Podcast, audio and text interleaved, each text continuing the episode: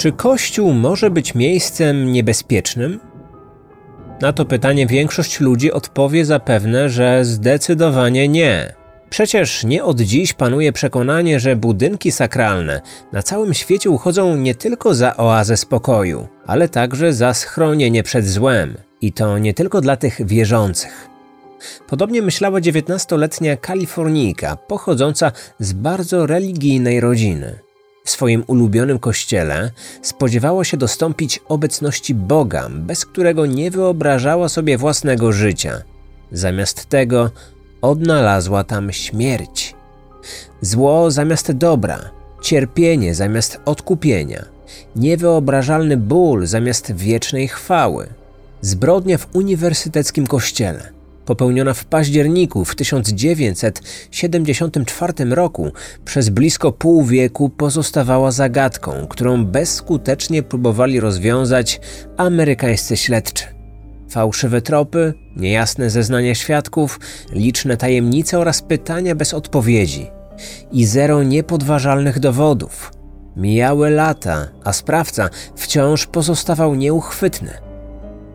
Gdy wydawało się już, że sprawa na zawsze pozostanie nierozwiązana, nadszedł XXI wiek, a wraz z nim postęp technologiczny. Nagle przed śledczymi pojawiła się szansa zidentyfikowania poszukiwanego od dawna zabójcy. Policjanci byli pewni jednego: teraz albo nigdy. Kryminatorium. Otwieramy akta tajemnic.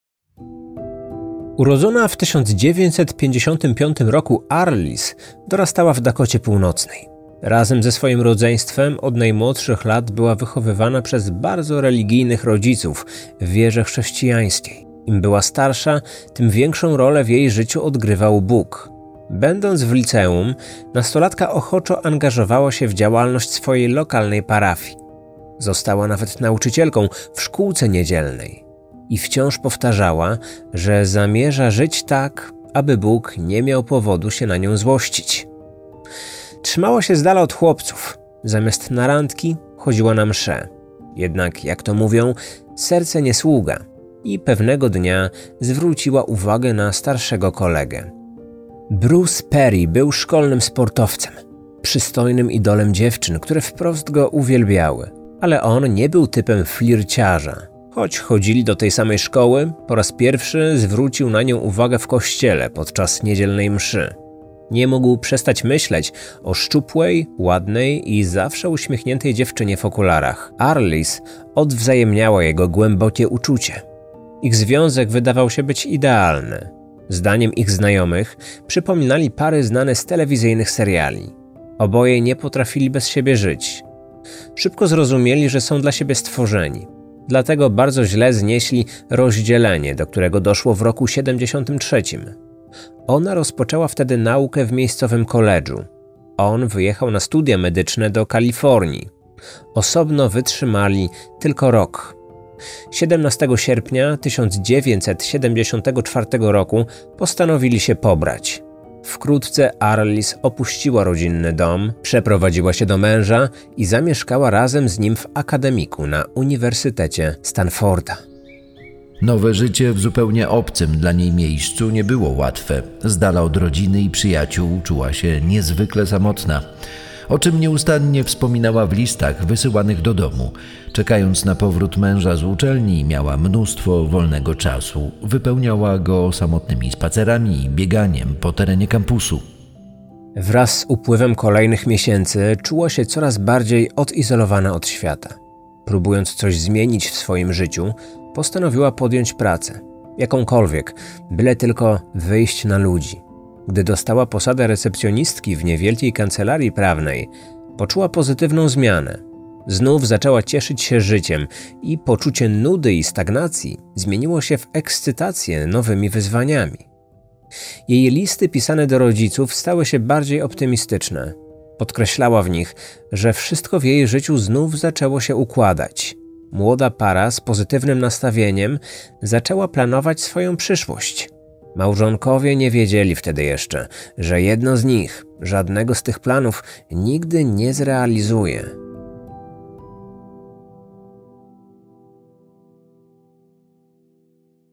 Dwunastego października 1974 roku Arlis tuż po kolacji napisała kolejny list do rodziców.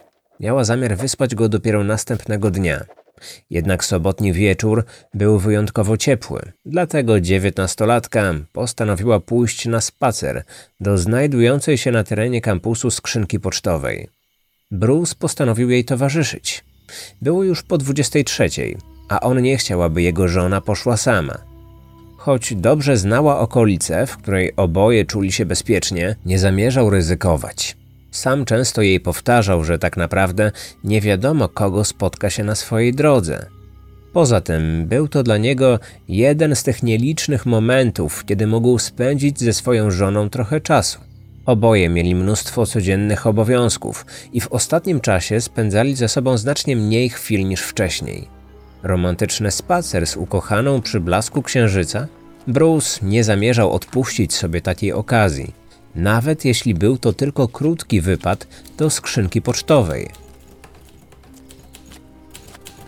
Gdy wracali już do akademika, doszło między nimi do nieoczekiwanej kłótni i to takiej najzupełniej błahej, praktycznie bez poważnego powodu. Ona uważała, że opony w jego samochodzie mają zbyt mało powietrza. On był odmiennego zdania. Przechodzili właśnie obok uniwersyteckiego kościoła, gdy Arl stwierdziła, że potrzebuje modlitwy, aby ochłonąć. Najlepiej w samotności. Bruce zdał sobie sprawę, że jeśli się na to nie zgodzi, tylko pogorszy całą sytuację. Zależało mu na zakończeniu tej bezsensownej kłótni, dlatego ustąpił. Tym bardziej, że doskonale wiedział, jak ważna w takich chwilach była dla niej wizyta w kościele i rozmowa z Bogiem. Arlis zapewniła go, że niedługo wróci. Sama. Nie chciała, aby po nią przychodził, ani tym bardziej, żeby na nią czekał. Bruce był przeciwny, ale zgodził się. Odprowadził ją jeszcze wzrokiem do drewnianych drzwi ponad stuletniej kaplicy. A gdy te się zamknęły, po tym jak jego żona weszła do środka, odszedł. Do domu miał kwadrans piechotą. Wracając, pomyślał, że on także potrzebuje chwili samotności, aby się uspokoić. Spojrzał jeszcze na swój zegarek. Właśnie wybijała północ. Po dotarciu na miejsce nie mógł doczekać się jej powrotu. Był przekonany, że szybko się pogodzą. Tymczasem mijały kolejne minuty, a dziewiętnastolatka wciąż nie wracała.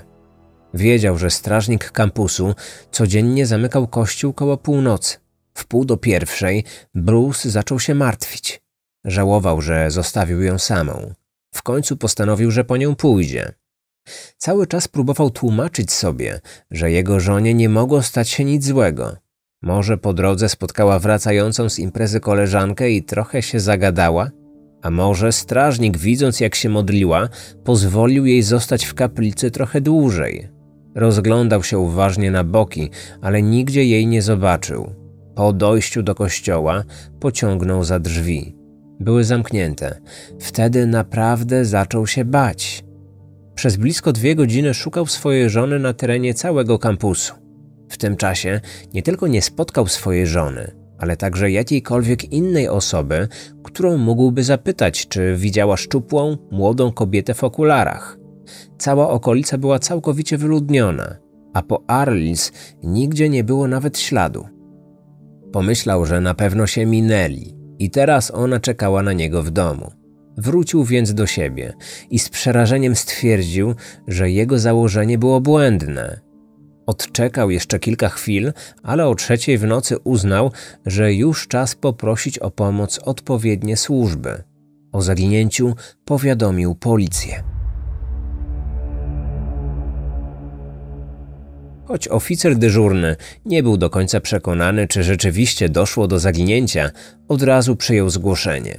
Jednocześnie pod wskazany przez mężczyznę adres wysłał radiowóz. Po wysłuchaniu relacji przerażonego męża, policjanci pojechali do kościoła. Wokół budynku nie zauważyli niczego niepokojącego. Drzwi świątyni były zamknięte, dlatego uznali, że w środku na pewno nie było nikogo. Przeszukania okolicy nic nie dały. Po zaginionej nigdzie nie było śladu. Kwadrans przed szóstą na posterunek policji zadzwonił strażnik kampusu. Steven Crawford drżącym głosem powiadomił oficera dyżurnego, że tuż po otwarciu kościoła odkrył w nim zakrwawione zwłoki kobiety. Na miejsce natychmiast przybyli policjanci. Po wejściu do środka nie mieli wątpliwości, że doszło do zbrodni. Pierwszą przesłuchaną przez nas osobą był oczywiście strażnik. To on natknął się w kościele na jej ciało. Zeznał, że tuż przed północą widział wchodzącą do kościoła młodą kobietę. Nie zauważył jednak, aby z niego wychodziła, dlatego, gdy 10 minut później postanowił zamknąć drzwi świątyni na klucz, zajrzał do środka, aby sprawdzić, czy wciąż tam była. Dla pewności krzyknął, pytając, czy ktokolwiek znajduje się w środku. Nikt mu nie odpowiedział, więc uznał, że budynek był już pusty. Na pytanie o okoliczności odkrycia zwłok odpowiedział, że gdy przed szóstą przyszedł, aby otworzyć kościół, zauważył, że drzwi były uchylone. Zaskoczony wszedł ostrożnie do środka. Był przekonany, że w nocy doszło do włamania. Jednak zamiast śladów kradzieży spostrzegł ślady zbrodni. Strażnik przypomniał sobie, że wchodząca do kościoła kobieta była podobna do ofiary zbrodni. Nie był jednak w stu procentach przekonany, że faktycznie to była ona. Odpowiadając na wszystkie pytania, mężczyzna był wyraźnie zdenerwowany. Pociły mu się dłonie, w wypowiadanych zdaniach robił bardzo długie pauzy. Pił dużo wody. Swoje reakcje tłumaczył szokiem i przerażeniem, jakiego doznał po odkryciu zwłok. Śledczy początkowo to rozumieli. Jednak po sprawdzeniu tego świadka okazało się, że w przeszłości był on jednym z nich. Kilka lat przepracował jako policjant. Przez jakiś czas służył także w armii. Osoba z takim doświadczeniem widziała w swoim życiu niejedno. Nie powinna więc doznawać aż tak wielkiego szoku na widok zwłok. Zapytali o to wprost. Usłyszeli, że on zawsze był takim wrażliwcem – Dlatego opuścił najpierw szeregi armii, a później policji. Został uniwersyteckim strażnikiem, ponieważ szukał znacznie mniej stresującej roboty. Śledczy mu uwierzyli, przynajmniej na razie.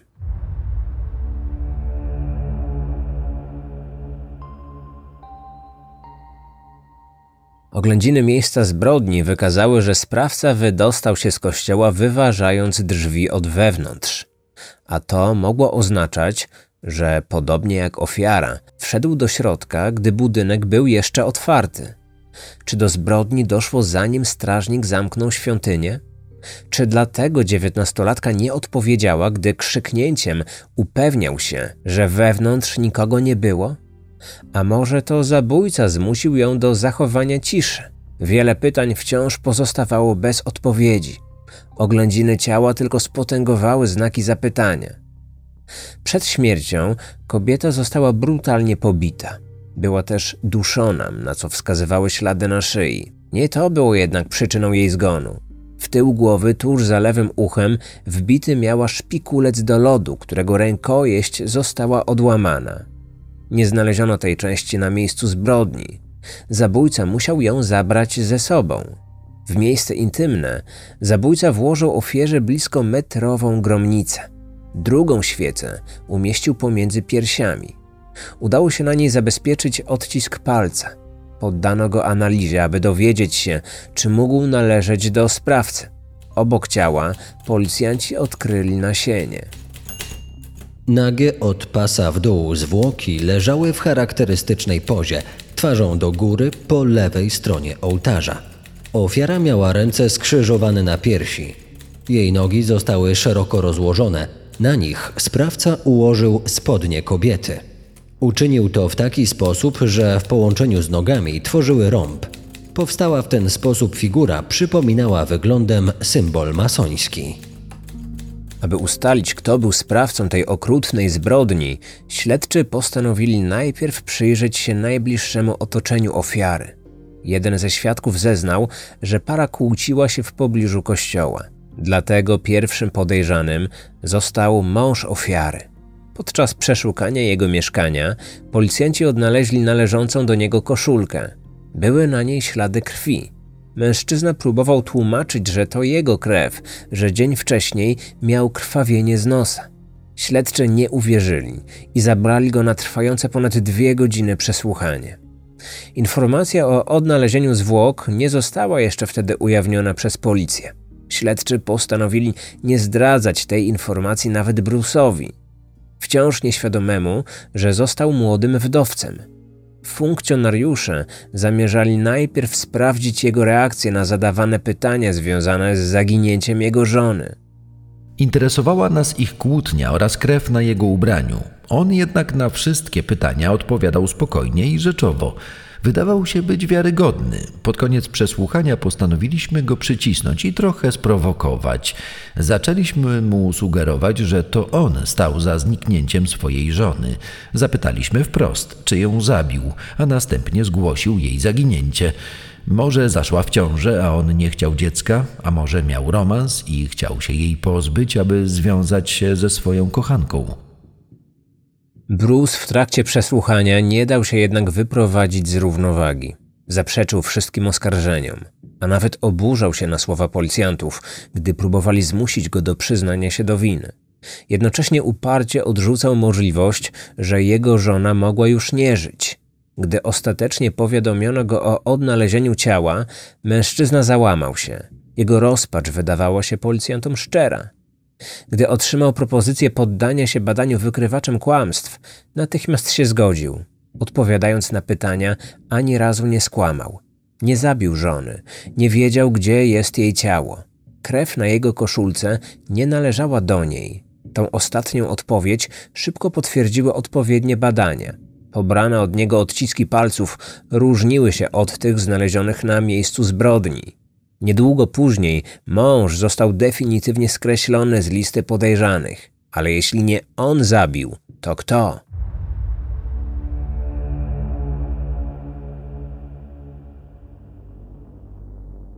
Tymczasem o makabrycznej zbrodni robiło się coraz głośniej. W sprawę tego zabójstwa zaangażowało się FBI. Agenci federalni opracowali profil psychologiczny mordercy. Sprawca jest samotnikiem z możliwą przeszłością wojskową. Aktywny głównie w nocy. Bardzo dobrze zna okolice miejsca zbrodni. Budzi powszechne zaufanie wśród ludzi. Prawdopodobnie nie było to jego pierwsze zabójstwo. Swoim ofiarom zabiera przedmioty osobiste, traktując je jako trofea. Czuje niepewność w kontaktach z kobietami. Możliwe skłonności nekrofilskie. Możliwa przeszłość wojskowa, aktywność głównie nocą, dobra znajomość okolicy miejsca zbrodni, powszechne zaufanie. To wszystko pasowało do podejrzanego numer dwa. Był nim strażnik, który odkrył zwłoki kobiety w kościele. Już wcześniej był on przesłuchiwany jako świadek. Tym razem na posterunek sprowadzono go w zupełnie innym charakterze. Stephen Crawford od niedawna pracował jako strażnik na terenie kampusu. Brał głównie nocki. Płacili za nie więcej niż za dniówki, a on potrzebował pieniędzy. Podczas przesłuchania zeznał, że patrolował właśnie okolice kaplicy, gdy tuż przed północą zauważył wchodzącą do świątyni kobietę. Właśnie o tej porze powinien zamknąć na klucz drzwi kościoła. Odczekał jednak 10 minut, aby dać jej szansę na krótką modlitwę.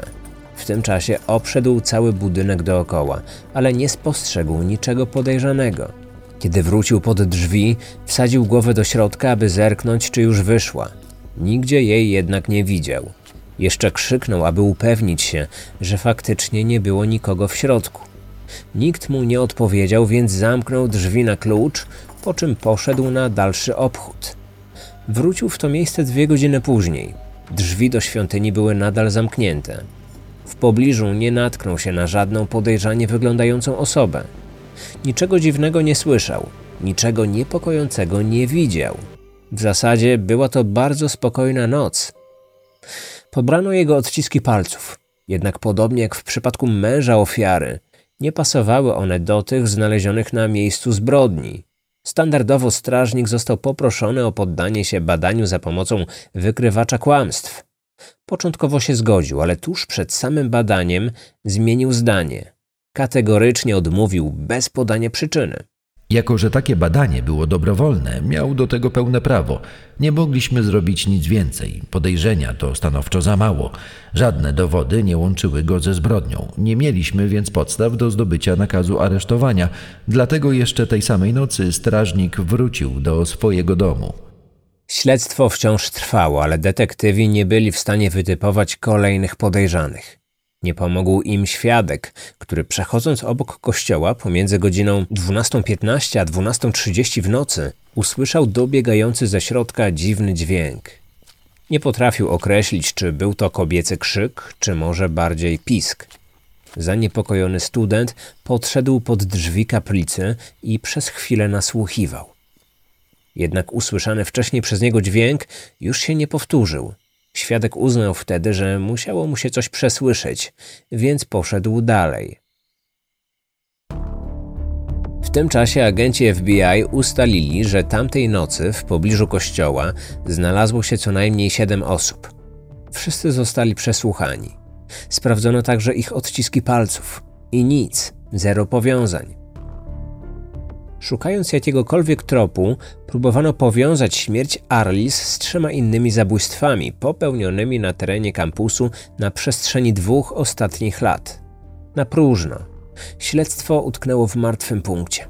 Wtedy FBI postanowiło przyjrzeć się całej sprawie z nieco innej strony. Początkowo uznano, że charakterystyczne ułożenie ofiary miało na celu jedynie zmylenie śledczych i upozorowanie, że zabójstwa dokonał ktoś związany z masonami. Tym razem postanowiono poważnie podejść do tego tematu. O pomoc poproszono specjalistę w dziedzinie sekt i tajnych organizacji. Ekspert natychmiast wykluczył udział w zbrodni członków loży masońskiej. Zwrócił jednak uwagę, że ułożenie spodni na ciele ofiary bardziej przypominało tzw. Tak heksagon unikursalny. Był to symbol telemy, religijno-filozoficznego systemu stworzonego w 1904 roku przez brytyjskiego okultystę i mistyka Alistera Crowleya. Choć jego kontrowersyjne poglądy związane z gnostyckim kościołem katolickim nie były znane w Stanach, śledczy nie wykluczali, że zabójcą mógł być jakiś Brytyjczyk. Za tą teorią przemawiał jeszcze jeden dość niezwykły fakt. Otóż Crowley urodził się 12 października 1875 roku dokładnie tego samego dnia i miesiąca, z tym, że 99 lat później zamordowana została Arlis. Przypadek? Detektywi uważali, że nie. Jednak wnikliwe śledztwo nie wykazało absolutnie żadnych powiązań z religijną telemą. Na wszelki wypadek postanowiono jeszcze spróbować powiązać zabójstwo z innymi sektami. Sataniści? Nie. Świątynia ludu wielebnego Jonesa? Nie. Gałąź Dawidowa?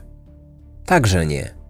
Ostatecznie uznano, że sprawca, kimkolwiek był, próbował jedynie zmylić śledczych, posługując się symbolem, który gdzieś zobaczył lub o nim przeczytał. Jeśli nie członek sekty był odpowiedzialny za tę śmierć, to może ktoś z jej pracy. To także sprawdzano. Policjanci odwiedzili kancelarię prawną. Na miejscu dowiedzieli się o tajemniczym mężczyźnie, który dzień przed śmiercią Arlis odwiedził ją w pracy. Miał około 20 lat, był blondynem o wysportowanej sylwetce. Rozmawiali ze sobą co najmniej przez kwadrans i nie była to miła rozmowa. Gdy mężczyzna ten już wyszedł, kobieta była bardzo zdenerwowana. Próbowaliśmy dowiedzieć się, z kim wtedy rozmawiała, jednak żadna z zatrudnionych w kancelarii osób tego nie wiedziała. Nikt go nie znał, nigdy wcześniej go tam nie było. Nie wiedział tego także mąż ofiary. Powiedział policjantom, że jego żona pracowała w tym miejscu dopiero od niedawna. Nie opowiadała mu o swoich kolegach i koleżankach z kancelarii. Nie chciała też, by odwiedzał ją w pracy. Nie wiedział dlaczego, ale ufał swojej żonie i nie podejrzewał jej o nic złego. Nie udało się ustalić tożsamości tego tajemniczego mężczyzny, a śledztwo znów utknęło w martwym punkcie.